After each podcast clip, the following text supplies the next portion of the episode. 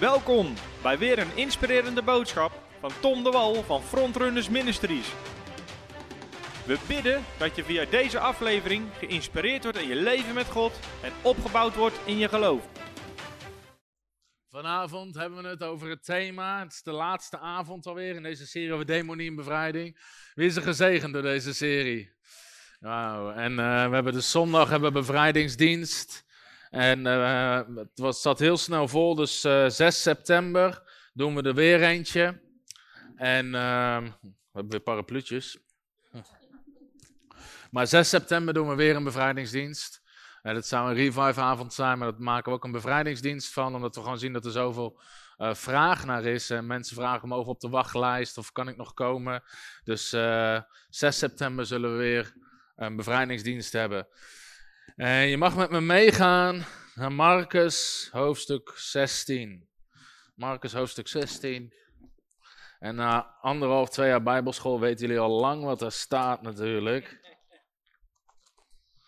Net als die voorganger vroeg aan heel zijn gemeente om Marcus hoofdstuk 17 te lezen en dan de week daarna te vertellen waar het over ging. En toen vroeg hij, wie heeft allemaal Marcus 17 gelezen? En toen stak de helft van zijn gemeente zijn hand op. Nou, dan weet je dat er wat mis is. Marcus hoofdstuk 16 is het laatste hoofdstuk van het Marcus-evangelie. En Jezus, vlak voordat hij naar de hemel gaat, geeft hij nog een aantal instructies.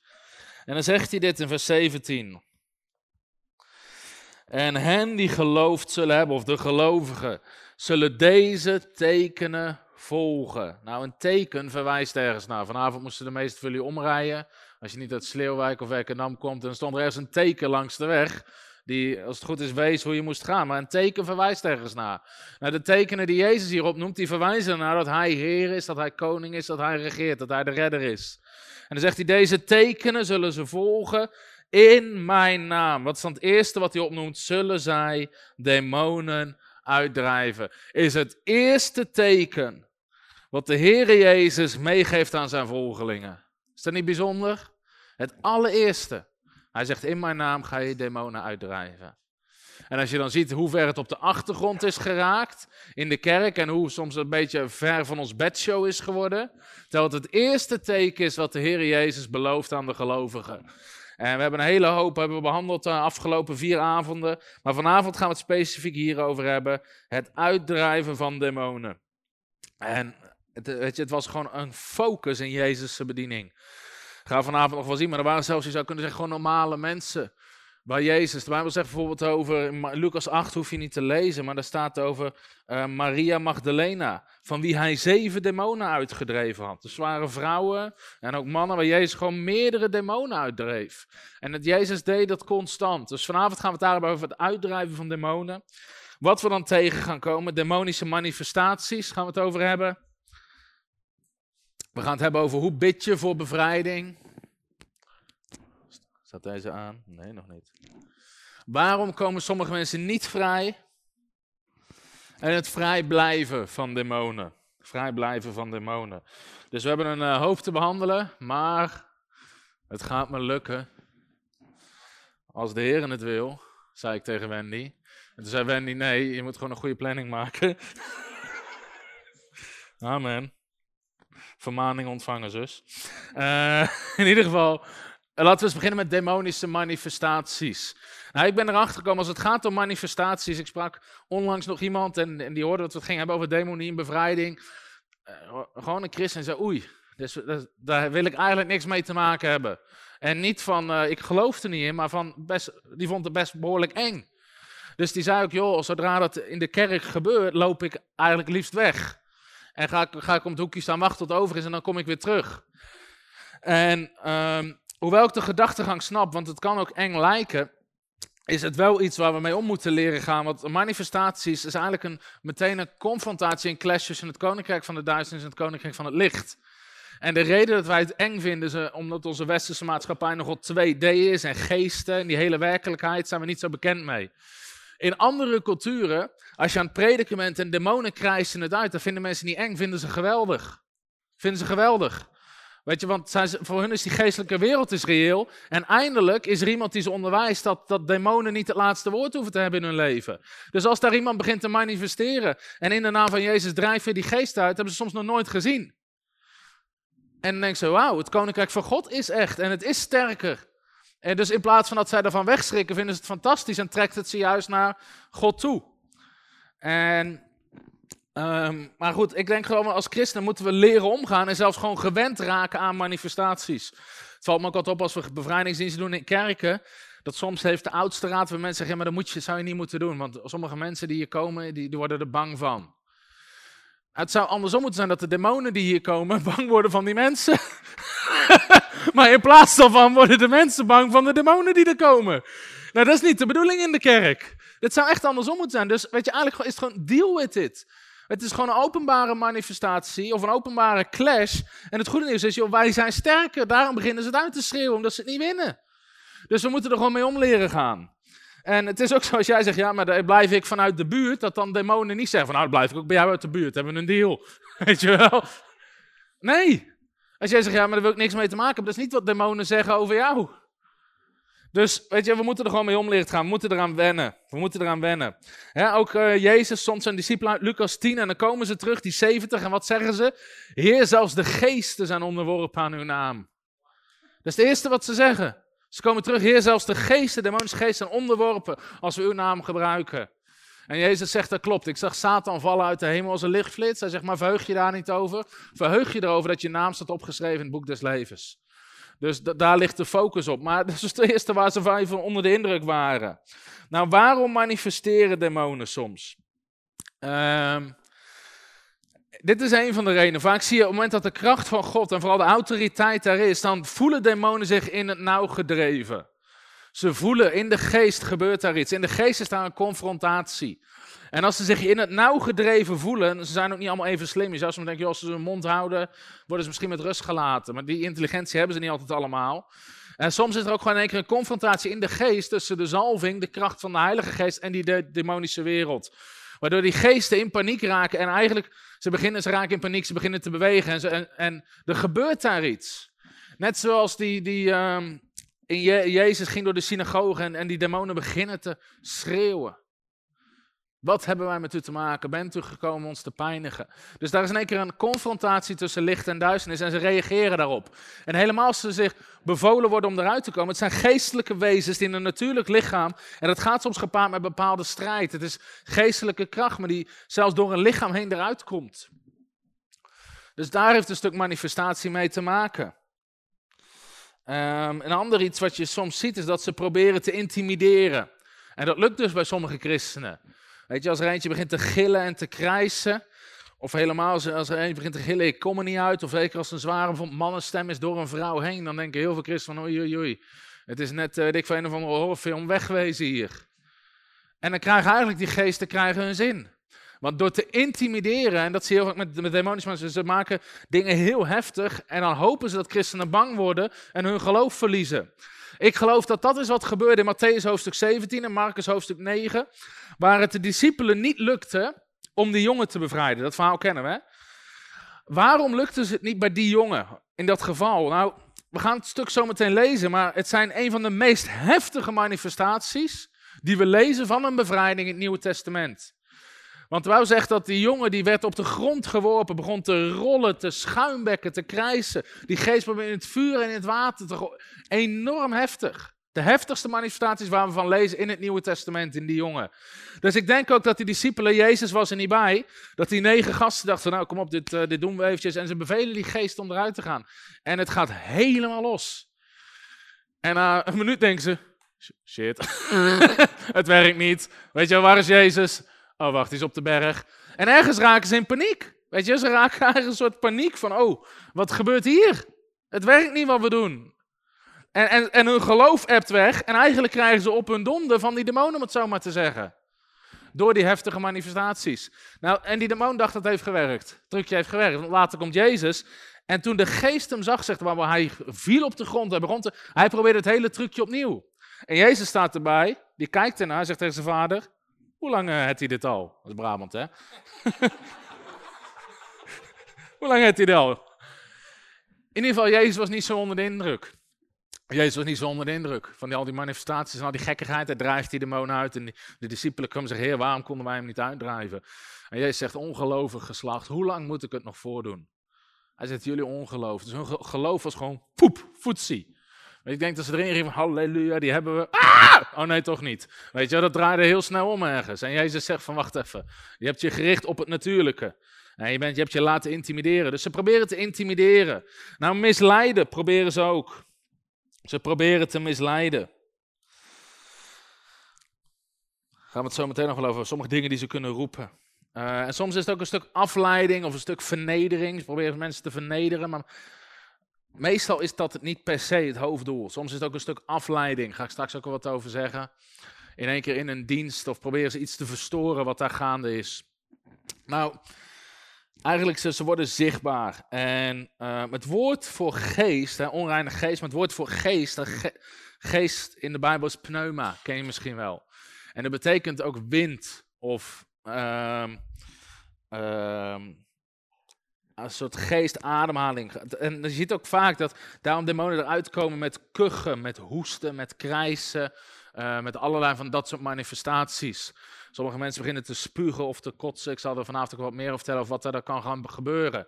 Maar heeft er vaak mee te maken dat mensen voelen soms, niet altijd, voelen soms ook letterlijk demonen uit hun komen. En bij de ene komt het echt uit zijn binnenste en gaat het krijsend. Anderen voelen het uit hun handen stromen of zo. Maar het is vaak een geestelijk wezen of een geestelijk soort wind of adem wat ze eruit voelen. Omdat het geestelijke wezens zijn. Um, dit is dat verhaal van. Uh, net gehad. Dit is dat verhaal.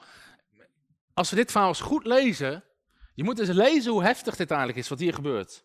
Dit is wat die vader zegt. Waar hij hem, die geest hem ook aangrijpt, werpt hij hem tegen de grond. Het schuim staat hem op de mond. Hij knarst met zijn tanden en verstijft. Heftig. Ik heb tegen de discipelen gezegd, ze moesten hem uitdrijven, ze konden het niet. Jezus zei, ongelovig geslacht, hoe lang zal ik bij u zijn, hoe lang moet ik verdragen, breng hem bij mij. Ze brachten hem bij hem. En toen hij hem zag, deed de geest hem meteen stuiptrekken. Dus die jongen die begon te stuiptrekken, die begon letterlijk te stuiteren. Hij viel op de grond, wentelde zich met schuim op de mond. Dus die jongen lag er te stuiptrekken, te rollen, schuim uit zijn mond. En Jezus vroeg aan zijn vader, hoe lang is het dat dit hem overkomt? En die zei van jongens af aan. Hij heeft hem ook in het vuur geprobeerd te werpen en in het water. Als u iets kunt doen, doe dan iets. Jezus, als u kunt geloven, alles is mogelijk voor wie gelooft. En de vader riep onder tranen. Hij zei, Heer, ik geloof, maar kom aan ongeloof te hulp. Zelfs die, die, die, situatie overweldigt heel die vader. Heel die menigte komt samen. Jezus bestraft die onreine geest. Zijn geest die maakt dat men niet kan spreken. En die doof maakt. Ik beveel ga uit hem weg en kom niet meer terug. En onder geschreeuw, hevig stuiptrekken, ging hij uit hem weg. De jongen werd als een dode. De mensen zeiden dat hij gestorven was. Maar Jezus pakte hem met de hand, richtte hem op. Nou, moet je zien hoe heftig dit is als je dit eens goed gaat lezen, zeg maar, als je dit eens in zou beelden wat er allemaal gaande is. Heftig verhaal, heftige situatie, ook heftige manifestaties. Dat leert ons ook iets. Ik heb ooit wel eens mensen horen zeggen, ja, maar als we echt autoriteit hebben, dan manifesteren demonen niet. Nou ja, ik hou, misschien had jij Jezus les moeten geven vroeger. Maar in ieder geval, zelfs in de bediening van Jezus, hè? Zelfs in de bediening van Jezus, heftige manifestaties. Heftige manifestaties. Uh, dus dat, is niet altijd zo. En sommige mensen ook zeggen, maar als we echt de autoriteit hebben, hoeven we het maar één keer te zeggen. Dat is wel de richtlijn. Maar er zijn zelfs verhalen in de Bijbel waarin Jezus meerdere keren een demon moest bevelen om eruit te gaan. Zal ik je laten zien ook later op de avond. Dus soms is dat ook een geestelijke strijd letterlijk die daar gaande is. Het is ook zo dat de, de ene demon is sterker dan de andere demon. He, ze hebben rangen. We hebben het gehad over het koninkrijk van de duisternis wat georganiseerd is. Hè? Er zijn verschillende rangen, verschillende machten. De ene demon is sterker, lijkt meer autoriteit te hebben, is koppiger, standvastiger dan de andere demon. Je hebt demonen die trap je er zo uit, je hebt sommigen die maken er een heel spektakel van, doen er alles aan om te blijven zitten. Jezus onderwijs zit ook in Matthäus 12, hij zegt als een demon eruit gaat, neemt die geesten mee die sterker of erger zijn hè, dan hemzelf. Dus je ziet, daar zit verschillende rangorde in. Dus Jezus zei eigenlijk ook tegen zijn discipelen, hij zei, jongens, jullie waren niet sterk genoeg. Hij zegt, dit soort, dit soort demonen gaat niet uit dan door bidden en te vasten. In ieder geval, hun geloof en hun geestelijke leven was op dat moment niet sterk genoeg om die demonen eruit te krijgen. Jezus wel, Jezus zijn geestelijke leven, Jezus zijn geloof was sterk genoeg. Dus je ziet wat voor strijd daar gaande is. Maar even een verhaal wat een aantal manifestaties schetst. Nou, laten we eens doorheen lopen op wat voor soort manifestaties kan je tegenkomen. Ehm, en ga je tegenkomen als het goed is. Ik gun het je van harte, want dan ben je op de goede weg. dus ik gun jullie allemaal al deze manifestaties.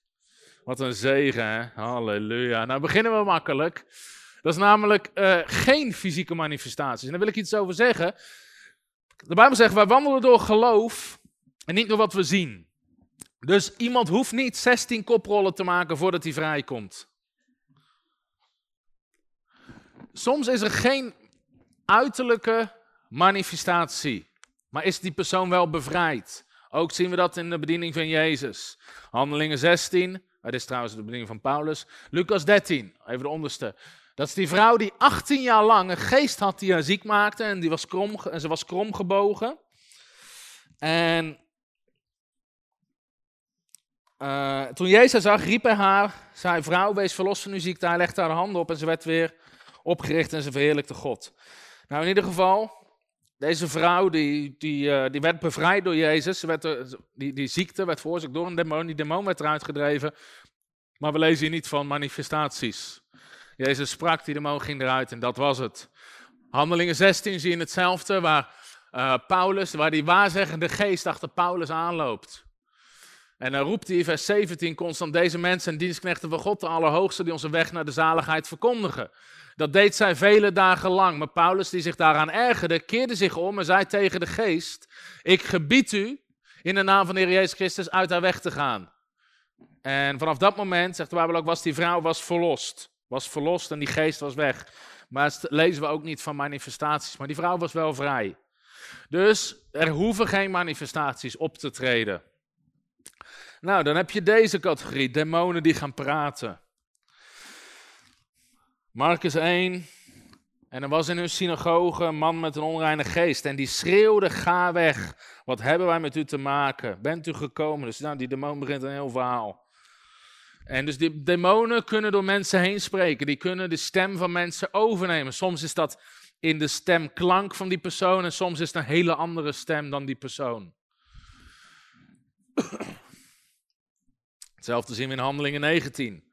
Maar de boze geest antwoordde. Dit is de zeven zonen van Skeva, dat is het voorbeeld hoe het niet moet. Jezus ken ik en Paulus weet ik af, maar wie bent u? Kijk, soms is het best wel interessant ook wat demonen zeggen. Maar je moet er nooit doctrine op bouwen. Want waar we zeggen, de duivel is een leugenaar.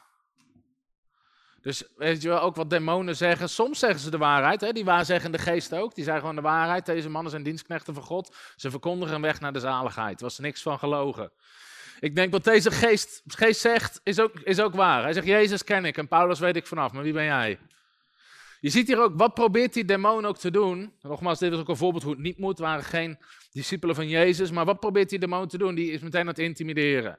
Dus zij zeggen in de naam van Jezus, die Paulus predikt. Ze dachten, we doen er even een toverformule op, werkt vast. En die demon die begint te intimideren. Zegt, Jezus kennen we en Paulus kennen we. Wie ben jij? Ik heb letterlijk demonen horen vragen mensen. Wie denk je dat je bent? En ze beginnen te intimideren. En ze beginnen eigenlijk die geestelijke strijd gaan ze aan. En dan zeggen ze, wie denk je dat je bent? En dan moet je je antwoord klaar hebben. En het is heel simpel, je komt niet in je eigen autoriteit. Je komt in de autoriteit van de Heer Jezus Christus. En ik heb dit geleerd van mijn geestelijke vader Jan Sjoerd. Als demonen hem vroegen, wie denk je dat je bent? Zei hij, zeg dat nog eens, maar dan tegen de Heer Jezus. En dan zag je het hele gezicht van die geest vertrekken. dat is gewoon een praktische tip, krijg je er gratis bij. Als ze dat tegen je zeggen, zeg gewoon, herhaal dat nog eens, maar nu tegen de Heer Jezus Christus. Je komt niet in je eigen autoriteit, je komt in de autoriteit van Jezus. De demonen die beginnen met praten. Nou, ze roepen ook heel vaak hetzelfde. We willen niet gaan, we gaan niet. Of we beginnen vragen, waar moeten we naartoe? Ja, dat is hun zorg, niet die van mij. Of sommigen roepen, we komen terug. Of we mogen hier zijn, hier is legale grond, roepen sommige geesten. Maar je moet je, allemaal dat soort dingen zijn leugens. Ga niet in discussie. Weet je, je blijft gewoon bij je standpunt. Hij zegt, joh, de grond is weg. Jezus heeft deze persoon gewassen en gereinigd. Eruit in de naam van Jezus. Laat los.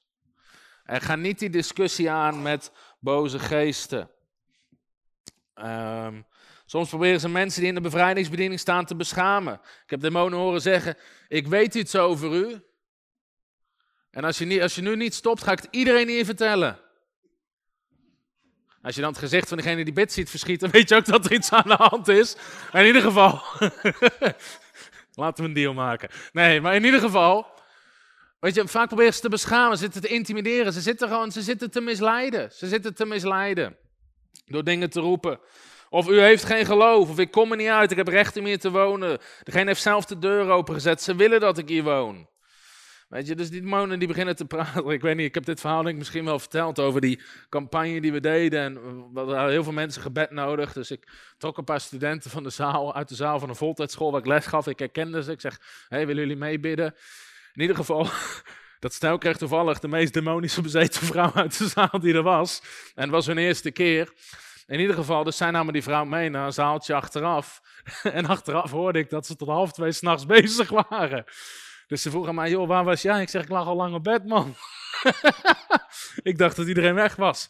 Maar in ieder geval, ze begonnen te bidden voor die vrouw. En die vrouw begon koprollen te maken. In ieder geval, die geest begon te schreeuwen. Ik ga naar de hel!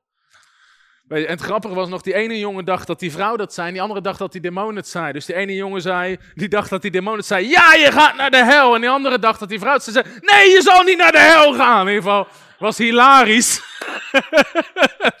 en ze hebben, tot, ze hebben tot half twee s'nachts erover gedaan om die vrouw kwijt, of kwijt te raken. Uh, nee, dat was niet de bedoeling van de sessie. Om, om die vrouw te bevrijden. In ieder geval, dat is goede bijbelschool. Zo leer je het. Weet je, je wil ook meer autoriteit hebben als je een nacht heel kort slaapt. Dan denk je, oké, weet je, ik ga meer bidden en vasten, dan slaap ik beter. maar was een schitterende bijbelschool. Je moet het ook gewoon, gewoon doen. Maar goed, demonen beginnen dingen te roepen. Nou, deze categorie heb je ook. Demonen die fysiek proberen aan te vallen. Handelingen 19. En de man in wie de boze geest zich bevond, sprong op en af, overmeesterde hem, want hij bleef fysiek sterker dan hij, zodat zijn naakt en gewond het huis uitvluchtte. Nou, dat, is, dat hoort niet de uitkomst te zijn van je bevrijdingssessie.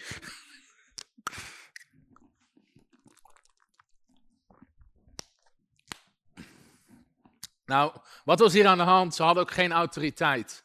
Ze hadden geen autoriteit, waren geen discipelen van Jezus. De Bijbel zegt, het waren joden, die probeerden een trucje ze probeerden een trucje, ze probeerden een bepaalde formule. En die demon die prikte daar meteen doorheen en die overwon hun. Die overwon ze. Jij staat als christen in je autoriteit. Je staat als christen in autoriteit. Als het goed is, kunnen ze je op geen enkele manier aanvallen.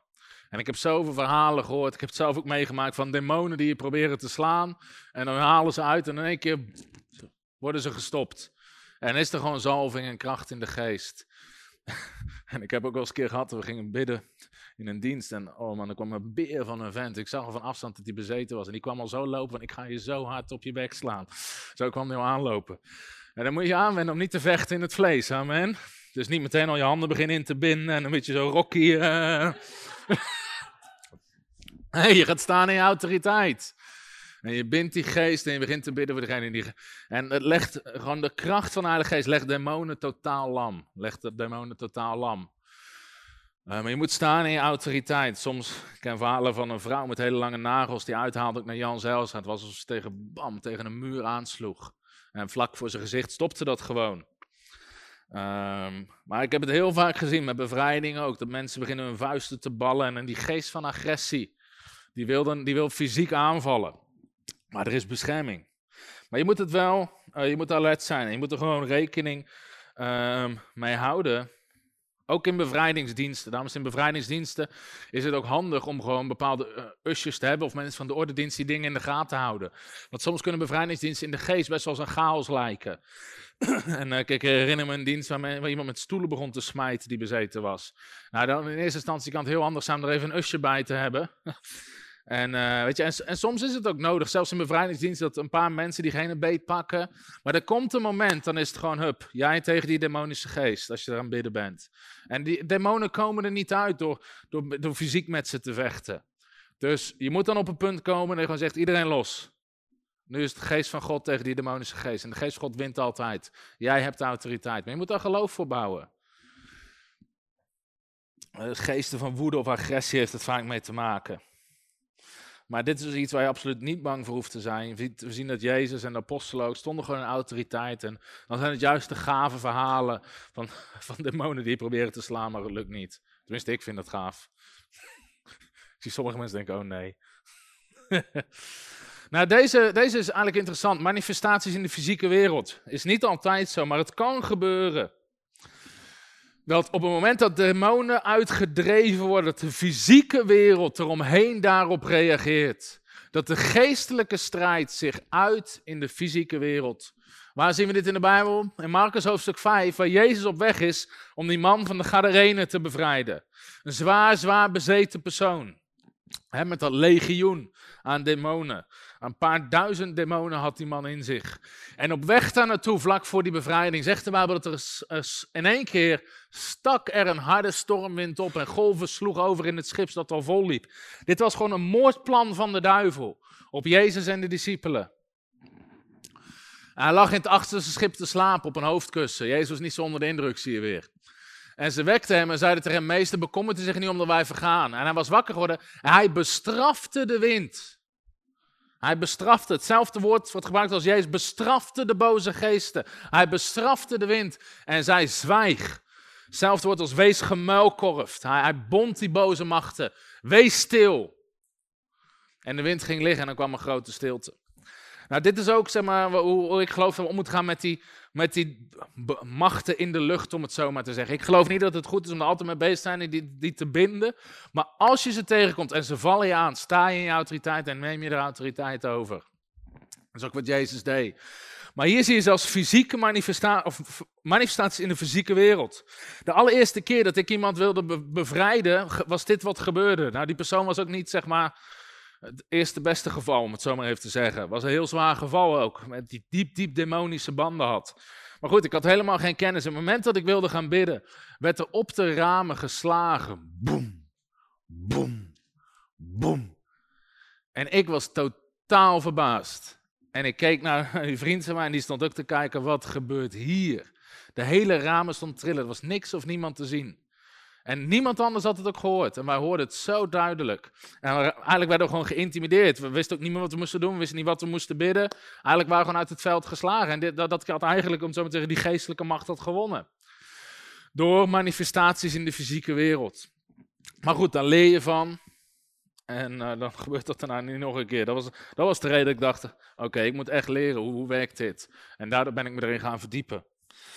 Um, een verhaal van Jan Sjoerd Pasterkamp toen ze een hoge priesteres uit het satanisme aan het bevrijden waren. Op het moment dat ze aan het bidden waren, op de snelweg daarnaast, ontstond een gigantische misbank. En gebeurde het grootste auto-ongeluk in de Nederlandse geschiedenis, kettingbotsing. Op het moment dat ze iemand aan het vrijbidden waren uit het satanisme, kwam die misbank daar en was daar een gigantisch ongeluk. Soms hoor je verhalen van mensen die vrijgebeden worden en er ontstaat ijs op de ramen. Of demonen die jankend om een huis heen liepen.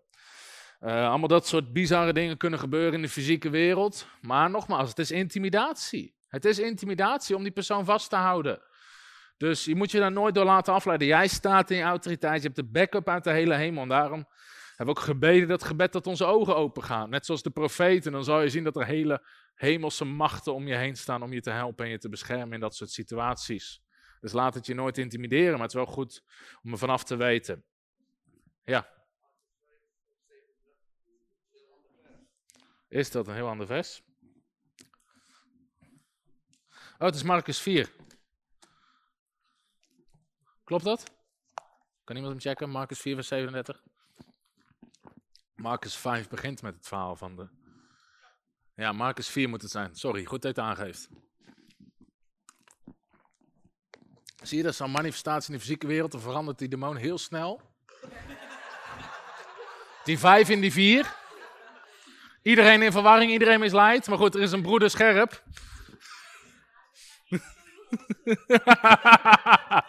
dat is inderdaad een voorbeeld van achter iedere boom een demon. Nee hoor, ik zat gewoon niet op te letten. Tweede vermaning van deze avond. Heel goed. Wat wordt je karakter al lekker gevormd op bijbelschool, hè? Heerlijk. Oké. Volgende.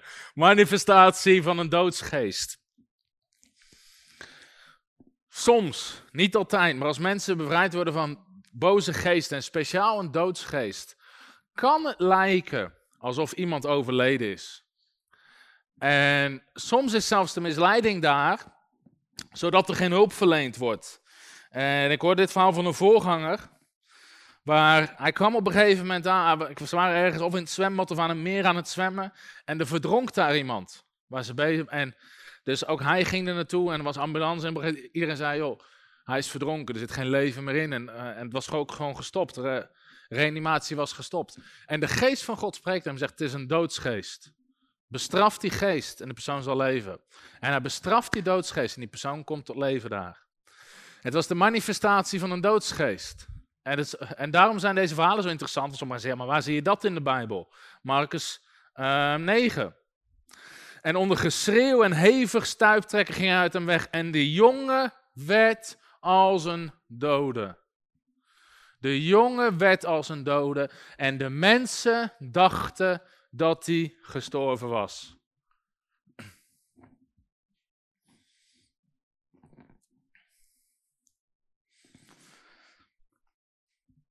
En nogmaals, dit gebeurt niet altijd, gelukkig niet. Ook heel vaak niet, vaker niet dan wel. Maar het is wel goed om alert op te zijn. En, en soms als je dit soort verhalen hoort, ga je anders nadenken. Ik, sprak toevallig vorige week een voorganger die me opbelde omdat een, een jongen uit zijn gemeente een heftig auto-ongeluk had, in terecht was gekomen. En hij zei, hij zei, er was iets zo bizars, want die jongen, in ieder geval, de eh, politie was te plaatsen en hij had geen pols, hij had niks meer. Hij was doodverklaard. Politie, hij was gewoon dood. Dus was niemand aan het reanimeren.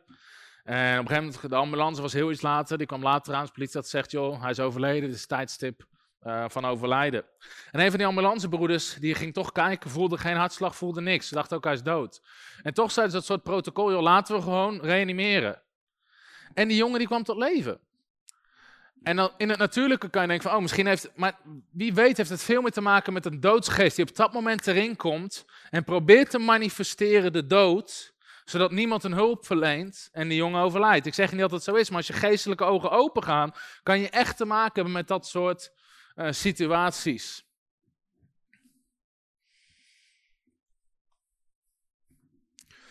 Nou, demonen die mensen op de grond gooien. Marcus 9, vers 18. Waar hij hem ook aangrijpt, werpt hij hem tegen de grond. Dus soms vallen mensen op de grond, wat dan ook. Nogmaals, dit, dit zijn dingen zijn niet erg, het hoort gewoon bij het bevrijdingsproces. Marcus 9, vers 20 zie je dit ook. Ze brachten hem bij hem. En toen hij hem zag, deed de geest hem meteen stuiptrekken en hij viel op de grond. Mensen raken soms gewoon de controle over hun eigen lichaam kwijt. Gillen, schreeuwen en krijsen. Gillen, schreeuwen en krijsen. Handelingen 8, vers 7.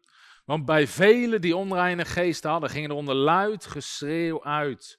En veel verlamden en kreupelen werden genezen. Toen Jan Sjoerd voor het eerst in zijn leven een bevrijdingsdienst ging doen, was hij zendeling in Papua Nieuw-Guinea. Hij kwam achter deze principes uit het woord van God. Hij kondigde aan, we gaan een bevrijdingsdienst doen. Was voor hem helemaal nieuw, was ook heel spannend. Het werd ook één grote chaos.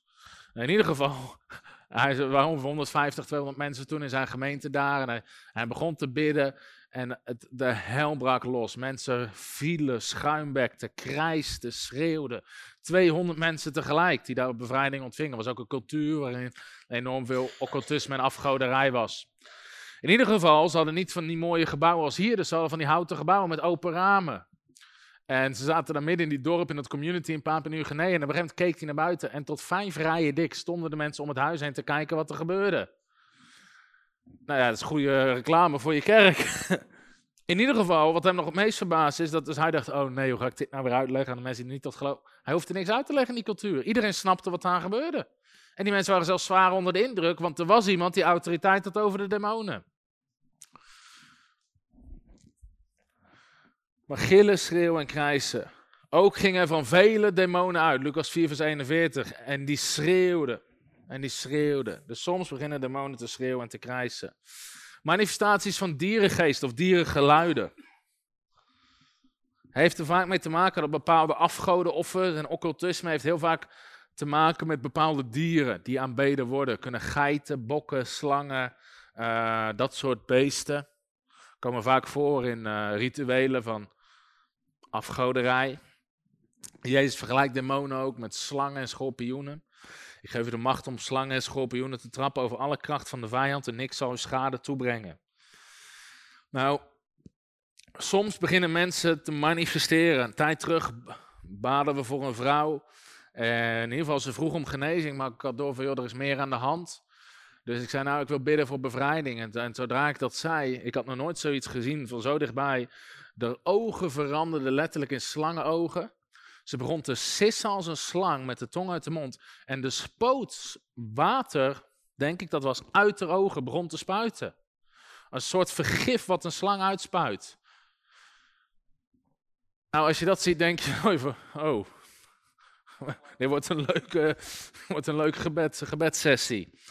In ieder geval te manifesteren. Te, sommige mensen beginnen te kruipen als een slang, te, te rennen als een hond, dat soort dingen. Sommige mensen beginnen te blaffen.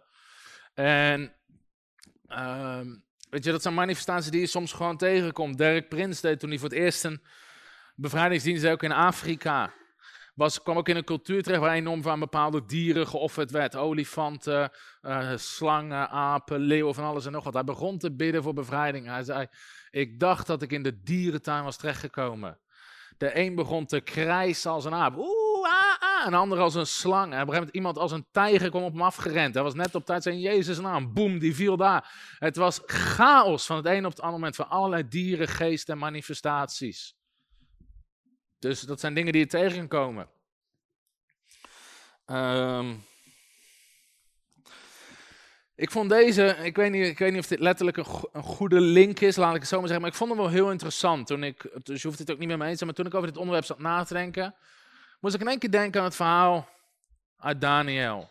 Waar dit staat over die heidense koning, die niet God wilde erkennen. Hij werd uit de mensenwereld verstoten en hij at gras, zoals de runderen. Zijn lichaam werd bevochtigd door de dauw van de hemel, totdat zijn haren zo lang werd als de veren van de aard en zijn nagels als die van de vogels. En dat is dan tot en met het moment dat hij omhoog kijkt en God erkent als koning. En hij verandert weer terug. Bizar verhaal. Maar goed, dat is gewoon even leuk voor de bij. Nou, dit is gewoon manifestaties naar de aard van de geest. Vaak de geest die erin zit. Heel vaak zie je dat die demon begint te manifesteren naar diezelfde aard. Dus um, een geest van agressie uit zich vaak agressief. Die waarzeggende geest had waarzeggend gedrag, handelingen 16. Soms zie je mensen die bepaalde occulte vechtsport hebben gezeten. Ik zeg niet dat iedere vorm van vechtsport en zelfs niet iedere vorm van karate bijvoorbeeld occult is. Maar er zijn vormen waarbij allerlei voorouders moet groeten en dansjes moet doen en weet ik veel wat allemaal. En bepaalde zweringen en dingen moet uitspreken.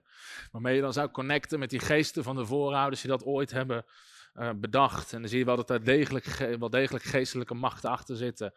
Maar ik heb het gezien dat mensen van een karate geest bevrijd worden en een keer hoi, in één keer karate beginnen te doen. Um, een geest van trots bijvoorbeeld. Zie je vaak dat mensen met hun armen over elkaar gaan staan. Dus als je gaat bidden voor bevrijding, en nogmaals ligt eraan wat de setting is, maar voor heel veel mensen zal het één op één zijn of in de kerk. Let goed op, wat, wat, doet, wat doet de fysieke lichaam van die persoon? Heel vaak zie je dat mensen hun handen beginnen te ballen. Of dat mensen, uh, soms, ik heb mensen gezien die hadden bijvoorbeeld een geest van afwijzing. En die letterlijk probeerden weg te rennen, zich als een klein kind gingen gedragen, uh, in een hoekje kropen. Echt gewoon echt bizarre manifestaties. Moeheid, dat is het verhaal van uh, Derek Prins die dan bidt. Of Frank Niederhemmet, ik weet niet, volgens mij Derek Prins. Van degene die zegt, ik ben zo moe, ik ben zo moe, ik ben zo moe tijdens de bevrijdings. Uh, en op een gegeven moment had Derek Prins al, wacht eens, dit is die geest die spreekt. En u hebt bevrijd van die geest van moeheid. En wat had ook te maken met chronische moeheid waarvoor die persoon daar was. Uh, met reuma zie je ook heel vaak dat mensen last hebben van krampen of dat ze het voelen uh, in hun handen. Leugengeesten begint te liegen. Uh, spottende geesten die gaan lachen van alles. kan er aan de hand staan. Maar wees daar gewoon scherp op. Dan kan je het herkennen. Manifestaties in de ogen. Een van de eerste plekken waar je het vaak ziet is in de ogen. En de, ogen van iemand zegt ontzettend veel. Jezus zegt zelf ook dat ons, ik denk dat ik die tekst hier wel heb. Matthäus 6, vers 22. De lamp van het lichaam is het oog. Als uw oog oprecht is, zal uw hele lichaam verlicht zijn. De lamp van het lichaam is de oog. Maar als uw oog kwaadaardig is, zal heel uw lichaam duister zijn als het licht dat in u is duisternis is. Eigenlijk de ogen zijn, ze zeggen wel de spiegel van de ziel. Als je in iemand zijn ogen kijkt, zie je vaak iets. Soms zie je agressie, soms zie je dat soort dingen. Ook gewoon niet eens los van bevrijding. Maar vaak, als je voor bevrijding bidt, zie je in die ogen iets veranderen. Je ziet dat die blik verandert. Dus daarom, als het kan, kijk mensen aan. Kijk wat daar gebeurt. Sommige mensen beginnen vuil te kijken, boos te kijken. Je ziet diepe duisternis hier soms in de ogen. Deze is heel interessant. Pijn die verplaatst. Als je bidt voor mensen, ik, heb, ik hoor dit zo vaak, zeg maar, ja, maar weet je, we baden iemand voor genezing, die had pijn in zijn schouder aan het baden en zeiden, ja, het is weg, maar nu zit het in mijn heup.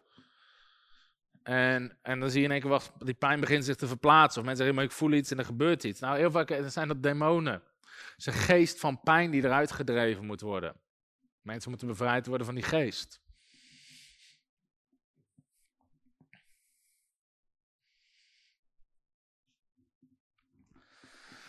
Maar ook al soms, dit is misschien wel interessant, soms als andere vormen van gebed, dus even heel, even gewoon heel, gewoon een natuurlijk denkproces. Als andere vormen van gebed niet hebben geholpen, kan het wel wijsheid zijn om gewoon eens in bevrijding te gaan zoeken. En ik herinner me ooit een dienst, en uh, ik was daar en ik sprak iemand vlak voor de dienst, en uh, die was een vrouwelijke motorrijder.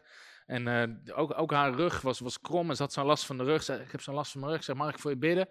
Hij zei, nou, er hoeft niet, er hebben al zoveel mensen voor me gebeden, ik ben nooit genezen. In ieder geval, ik liet het daarbij en ik, uh, de dienst begon en ik was aan het worshipen. En één keer tijdens de dienst moest ik denken, of tijdens het worship moest ik denken aan Lucas hoofdstuk 13, dat verhaal van die kromgebogen vrouw. Toen zei God tegen me, het is een geest die haar ziek maakt. Dus in ieder geval, tijdens die aanbidding liep naar die vrouw toe. Ik zeg, joh, ik zeg, ik weet dat er gebeden is voor bevrijding, maar ik heb het idee dat het een geest is die je ziek maakt. Mag ik, mag ik voor je bidden? En zei, ja, dus, dat is nog nooit gedaan. Dus in ieder geval, ik bad voor haar en ik had nog niet uitgesproken geest van pijn. En ze klapte tegen de grond en begon te krijsen. in ieder geval, ze werd vrij en ze werd helemaal genezen en ze had geen pijn meer. Uh, maar soms zitten we te veel aan één kant te zoeken dat het probleem ergens anders ligt.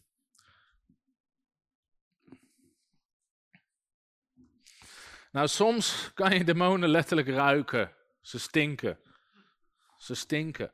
Ook soms als mensen bevrijd worden van een geest van kanker, dat eigenlijk gewoon zo'n ziekenhuislucht soms gewoon ook uitkomt. En ook in de geestelijke wereld is daar reuk, maar het zijn niet de meest gebruikelijke manifestaties, maar wel goed om aan te halen. Uitspugen, of spuug, of, of dat soort dingen. Toen de geest hem zag, deed hij hem stuip trekken en er kwam schuim op zijn mond. En dus ook die jongen daar begon te spugen. Ik weet onder de bediening van E.E. Allen, als hij bad voor mensen met kanker, kotste er soms gewoon tumoren uit. En als die mensen bevrijden van de geest van kanker. Uh, ik zal niet al te bizarre verhalen vertellen, maar ik heb ze wel. In ieder geval, een vriend van mij was, dus, een vriend was betrokken bij een opwekking in Denemarken in een gebied waar heel veel verslaafden waren. En die opwekking was daar maanden aan de gang en mensen kwamen daar die zwaar verslaafd waren aan methadon en heroïne. En als die mensen soms bevrijd werden, kotsten ze letterlijk een emmer vol met zwarte troep. En ze waren in één klap vrij en hadden geen enkele vorm van afkikkingsverschijnselen. Nou, mensen die een beetje uit de verslavingszorg komen, weten dat heel uniek is met dingen zoals heroïne. Uh, maar ze kotsten gewoon emmer vol met zwarte troep. En, uh, dus dat soort dingen kunnen gebeuren.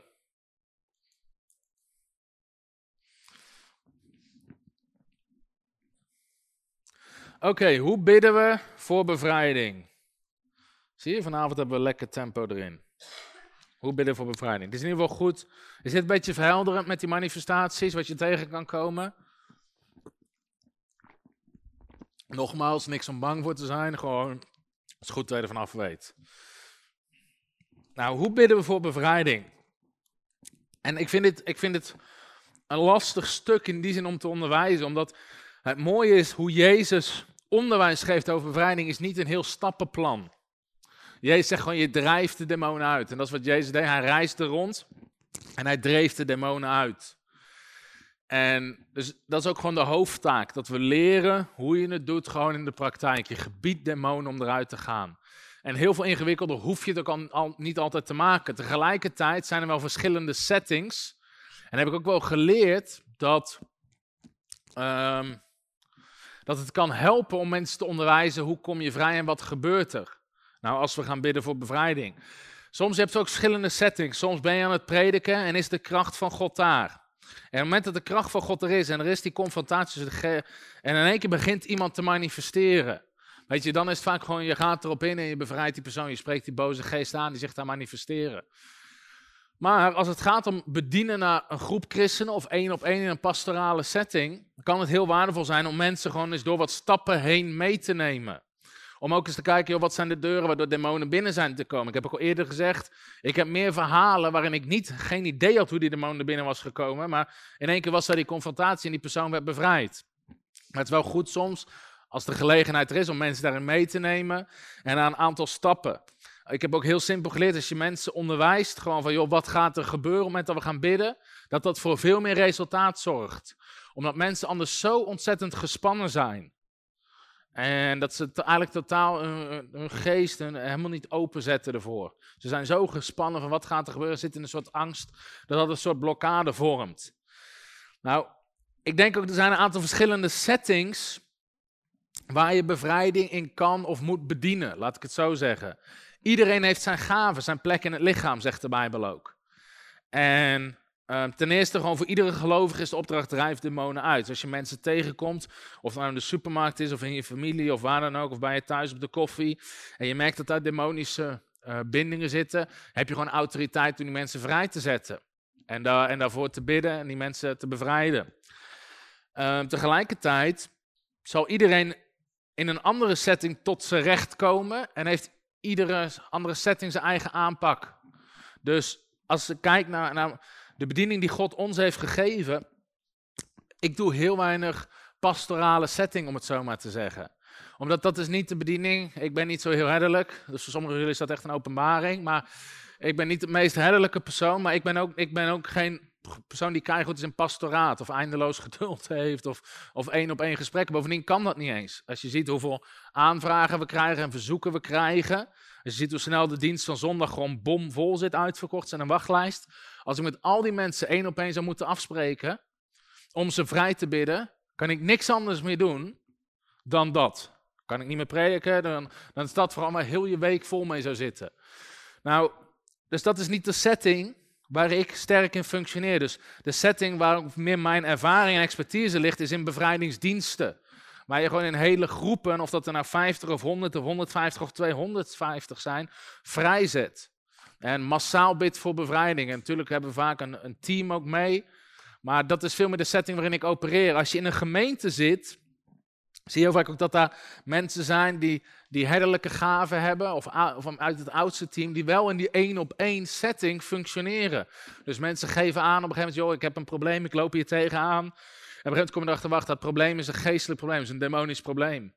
Nou, dan zie je vaak dat de setting verplaatst en dat is gewoon een één op één gesprek met bevrijdingsgebed. Dan heb je een hele andere setting, want dan heb je ook de tijd om bij iemand door te vragen, joh, wat is er eigenlijk gebeurd in je leven? Kan ook heel waardevol zijn om iemand te helpen om daarvan te herstellen.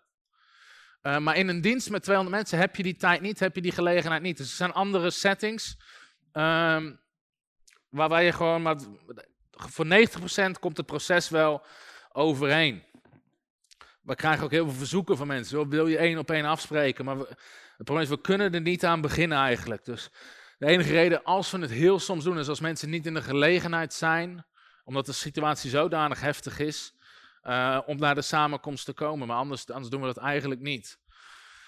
Um, tegelijkertijd moeten we allemaal gewoon leren om te functioneren in bevrijding en te staan in autoriteit. Ook al kan je geen vragen stellen, geen vragenlijst invullen.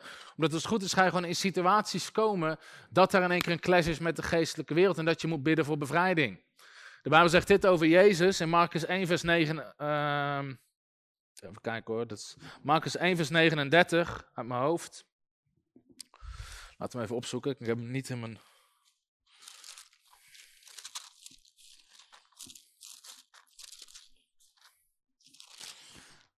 Ja, Marcus 1, vers 39. Ik denk dat hij zo meteen nog van de PowerPoint staat, een stukje verderop. Daar staat, hij predikte in hun synagoge door heel Galilea en hij dreef de demonen uit. Dus gewoon bij Jezus, de standaard predik uh, traject, zat gewoon demonen uitdrijven. Dus als het goed is, in de kerk waar je zit, of, of hoe je ook samenkomt, zal je situatie tegenkomen één keer demonen beginnen te manifesteren. En waarin het nodig is. En heb je niet altijd de gelegenheid om vragen te stellen, dan moet je daar in één keer op in kunnen gaan. Of, en dat is ook wel belangrijk, om even een voorbeeld te schetsen van, soms proberen geest ook af te leiden. En kies ik er zelfs voor om niet voor iemand te bidden in die setting. Ook al manifesteert iemand midden in een dienst, omdat dan ten koste gaat van de gehele dienst. Dus als je aan het onderwijs geven bent en je begint keihard te manifesteren, is dat niet altijd de setting om die persoon vrij te zetten. Omdat het de afleiding af kan leiden van de hele dienst. Dan is het wijzer om gewoon een gebedsteam te hebben. Zeggen, neem die persoon even mee. Want dan kan de rest van de dienst gewoon doorgaan. En ik was bijvoorbeeld met Arjan was ik ergens en een gemeente van denk vier of 400 mensen. En ik sprak daar over de doop in de geest en het spreken in tongentaal. En ik denk dat er 40, misschien 50 mensen waren die niet gedoopt waren in de geest. En ik haalde die mensen naar voren en we waren voor ze aan bidden. En toen ik denk voor de eerste of de tweede aan bidden was, was een meisje uit verderop in die rij. En die begon een keer keihard te krijsen, demonisch te manifesteren en te schudden en te trillen. En aan de ene kant is dat schitterend, dat is een keer een manifestatie tussen het koninkrijk van God en God wil die persoon vrijzetten. Maar tegelijkertijd is het niet de setting, omdat het gevaar is dat ik met dat ene meisje bezig gehouden, waardoor die veertig mensen niet de in de geest ontvangen. Dus ik voel van, joh, deze geest probeert gewoon af te leiden van wat hier wil. Die wil voorkomen dat deze 40 mensen hier in de geest gedoopt worden. Dus dan kies ik ervoor om niet mijn aandacht daarop te leggen en daarmee bezig te gaan houden, maar gewoon te vragen, joh, uh, is er een usher-team, oudste team, wat, wat, wat, deze meid mee kan nemen en vrij kan bidden ergens anders. Want de focus is nu dat die 40 mensen gedoopt worden in de geest. Maar het kan ook gebeuren dat in Jubilee of welke gemeente je ook zit, dat degene naast je in één keer begint te manifesteren. En dan zit jij ernaast en dan moet jij het doen. Halleluja. Leuk hè? Dus eh, de setting kan altijd verschillend zijn. Um, iemand denkt, ja, mijn man zit altijd naast me.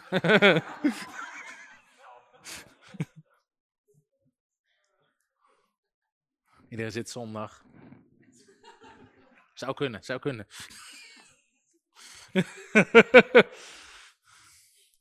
nou, tegenwoordig zit ze op anderhalve meter, dat scheelt. Dat is goed is niet. Ehm, nou goed, open deuren. Kijk, het proces ernaartoe, als, we, als, je, als je vragen gaat stellen of je neemt mensen een bepaald traject heen. Het, is heel, het, het, kan echt wel nuttig zijn om te weten wat is de open deur geweest, omdat dat nogmaals dat helpt om mensen ook om die deur dicht te doen. En, uh, en dus het helpt vooral met, met, met ja, gewoon het dicht houden daarna weten waar zit dat. Nou, we zien ook wel dat Jezus, ook in dit verhaal, stelt hij op een gegeven moment die vraag. Hij vraagt aan die vader, hoe lang is het hem al overkomen? Die vader zegt van jongs af aan. Ik weet niet precies waarom Jezus dit vroeg. Maar het lijkt wel dat Jezus zit vissen, waar, waar zit dit? Waar komt dit vandaan? Hoe is deze situatie zo heftig geworden? En die man zegt, joh, dat is al van jongs af aan zo. Jezus vraagt niet veel verder. Het interessante is dat Jezus, hoe spreekt hij die geest aan als we het verhaal lezen? Hij zegt gewoon, geest die maakt dat men niet kan horen en kan spreken. Zie je wat Jezus doet? Hij spreekt gewoon het effect aan. Hij zegt, die geest die hier en hier voor zorgt. Kom eruit. Dus dat is alvast even een stapje vooruit met bevrijding. je hoeft niet altijd te weten dat de geest roept, ja, ik ben Beelzebul, uh, weet je wel, dat soort, uh, dat soort dingen. Zie je, het gebeurt soms. In ieder geval, als het de geest is die iemand, weet ik veel, hoofdpijn geeft, gewoon geest die hoofdpijn geeft. Laat los. Kom eruit. Weet je, en je hoeft niet altijd, je kan naar de naam vragen zien we Jezus ook doen, gaan we straks wel lezen. Maar dat hoeft niet altijd. Jezus zegt gewoon, geest die dit en dit veroorzaakt, jij komt eruit.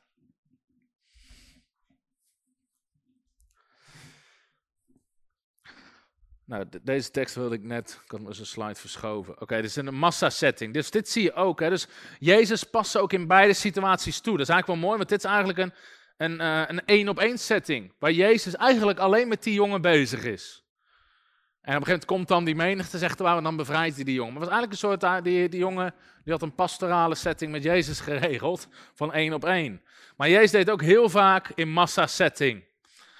toen het avond geworden was, brachten ze de velen die door demonen bezeten waren, misschien wel honderden. En hij dreef de boze geest uit met een enkel woord. Dus ook Jezus deed in die massa-setting met honderden mensen, bevrijdde Jezus mensen. Zie je zelfs met Filippus. Filippus ging naar Samaria en predikte hun Christus. En de menigte hielden zich aan wat Filippus zei, omdat zij luisterden naar de tekenen zagen die hij deed. Want velen die onreine geesten hadden, gingen onder luid geschreeuw uit. En verlamden en kreupelen werden genezen. Dus je ziet ook die twee settings in de Bijbel. Ene keer zie je het één op één gebeuren. En de andere keer zie je gewoon dat een massa mensen in één klap bevrijd wordt. Het ligt er gewoon aan welke bediening God je heeft gegeven. Het mooie trouwens is wel aan mensen met pastorale bediening, is vaak dat je veel meer uh, sterkere getuigenissen hebt, omdat je dus meer informatie hebt. Dus je weet veel beter, joh, waar, wat, waar kampte die persoon eerst mee? Hoe is hij er man binnengekomen? Wat heeft dat voor effect gehad? En wat gebeurde er met de bevrijding? In een massadienst, wat we heel vaak hebben met genezing of bevrijding, je ziet dat er soms uh, echt heel veel mensen vrij worden gezet. Maar ik ken hun verhaal niet. Ik weet niet wat er is gebeurd of wat het heeft veroorzaakt. Zelfs met genezing. Soms doen we genezingsdiensten en dan vraag je wie is er genezen en dan gaan er 50 of 100 handen de lucht in. En eigenlijk zou van iedereen dat verhaal willen hebben van joh, weet je, soms hoor je achteraf terug, oh groot wonder, dankdienst georganiseerd. Weet je, iemand uit de dood weer, weer levend, bij wijze van spreken. Uh, iemand die kanker had opgegeven als genees. Maar eigenlijk, je bent benieuwd naar al die verhalen. En, en die heb je in een massasetting gewoon een stuk minder. Nou, voorbeeldvragen. Wat zijn vragen die je kan stellen? Je krijgt de PowerPoint. Um, maar dit zijn gewoon dingen waar je soms gewoon kan helpen van... Wanneer is het begonnen? Dat vroeg Jezus ook aan de jongen. Weet je, overkomt dit hem al lang? Waardoor is het begonnen? Soms weten mensen het niet. Soms weten mensen het niet. Ze zeggen, joh, ik heb geen idee. Nou, soms als je dan verder gaat vragen, zeg je, joh, hoe was je gezinssituatie? En je komt erachter, wacht, een hele heftige gezinssituatie, misbruikt of wat dan ook. Dan zie je vaak wel dat daar een link zit. Maar nogmaals, als iemand het echt niet weet, dat maakt niet uit voor de bevrijding. En dat wil ik voorop stellen. Omdat ik soms mensen zie, maar we weten het niet, we weten, dan kunnen we niet bidden. Jawel, geest die dit en dit veroorzaakt, jij komt eruit. Dus Jezus zegt niet, zoek uit waar demonen vandaan komen. Hij zegt, zorg dat ze eruit gaan. Dat is je opdracht. Kun je open deuren bedenken.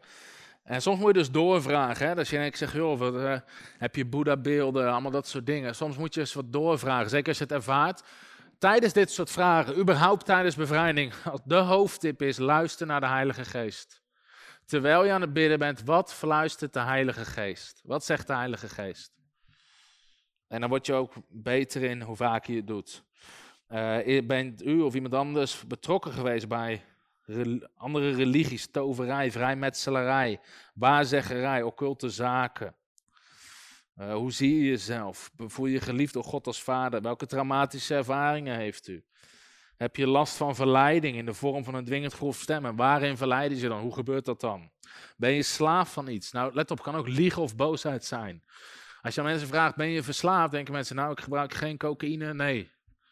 Terwijl sommige mensen zijn verslaafd aan andere dingen. Sommige mensen zijn verslaafd ook aan een stuk uh, zelfmedelijden. Of uh, aan, aan boosheid of aan liegen. Of opscheppen, dat soort dingen kunnen mensen verslaafd aan zijn. Hoe was uw relatie met uw ouders? Dat soort dingen kan je vragen. Zijn er bepaalde uh, voorwerpen kan je naar vragen? Hè? Bijvoorbeeld in, in je huis, uh, rare vormen van kunst, dat soort dingen. Soms hebben christenen het niet door wat ze eigenlijk in huis hebben gehaald.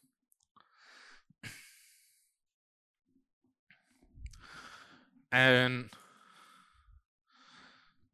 als mensen komen in een één op één setting, ten eerste zorg dat het absoluut 100% vertrouwelijk is.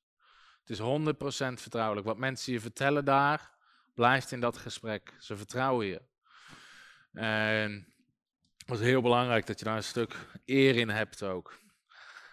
Maar durf dan ook door te vragen. En ik, ik heb ontdekt in de evangelische wereld zijn we best wel goed om om de hete brei heen te draaien. Maar durf soms eens rechte vragen te stellen. Zijn er dingen die niemand van je mag weten? weet je, probeer, soms zit je op dat soort dingen, want uh, soms willen mensen ook iets verborgen houden. Een van de redenen waarom soms mensen niet vrijkomen, is dat ze iets in het verborgen houden. Iets wat niet in het licht mag komen. Maar zijn er dingen die niemand van je mag weten? Heb je zonden die je niet beleden hebt? Of in, het reisje, uh, rijtje met van die bloedschuld. Eh, weet je, heb je hiermee te maken gehad met heftige zonden? En probeer die vragen dan ook gewoon op de man af te stellen. Dus durf dat soort dingen te vragen. En ondertussen luister je naar de Heilige Geest.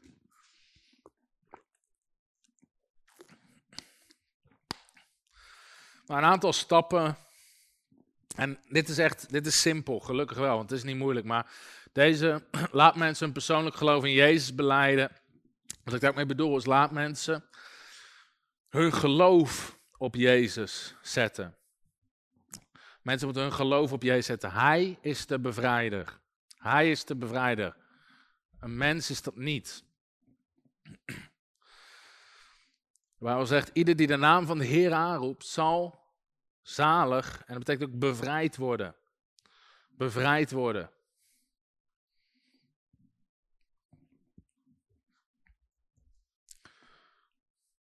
Hij die in u is, Jezus is groter dan hij die in de wereld is. Hiertoe is de Zoon van God geopenbaard, dat hij de werken van de duivel verbreken zou. Nou, zo zijn er ontzettend veel teksten over de macht van Jezus. Matthäus 28.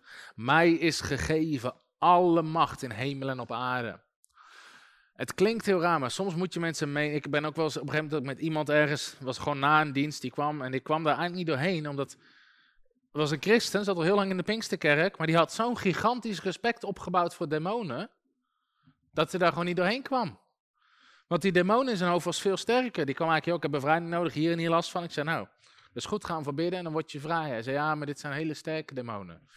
En op een gegeven moment, en, ja maar, ja maar. Ik zeg, maar de Bijbel zegt, we hebben autoriteit, ja maar, en ja maar. En op een gegeven moment, ik kwam daar gewoon in die, in die korte tijd niet doorheen. Weet je, mensen moeten beseffen, Jezus is de bevrijder. Jezus zegt, mij is gegeven alle macht in hemel en op aarde. Ook als je gaat bidden voor bevrijding, heb die Bijbelteksten bij de hand. Heb die Bijbelteksten bij de hand, omdat dat is het zwaard van de geest wat we hanteren. Dus als een demon zegt, wie denk je dat je bent, of je hebt geen autoriteit, dan, dan ga je niet terug met je eigen woord, dan ga je terug met het woord van God. Zeg je, er staat geschreven. Jezus is gegeven, alle macht in hemel en op aarde. Er staat geschreven, hij die in mij is, is meer dan hij die in de wereld is. Er staat geschreven, op slangen en schorpioenen zal je trappen. Er staat geschreven, in mijn naam zullen ze de demonen uitdraven. uitdrijven. Heb die teksten bij de hand. Niet in mijn mond vol tanden staat, zeg, oh ja, ja, poeh, oh, tijdje terug, was de tekst van de dag, dat was een goeie. Even kijken hoor.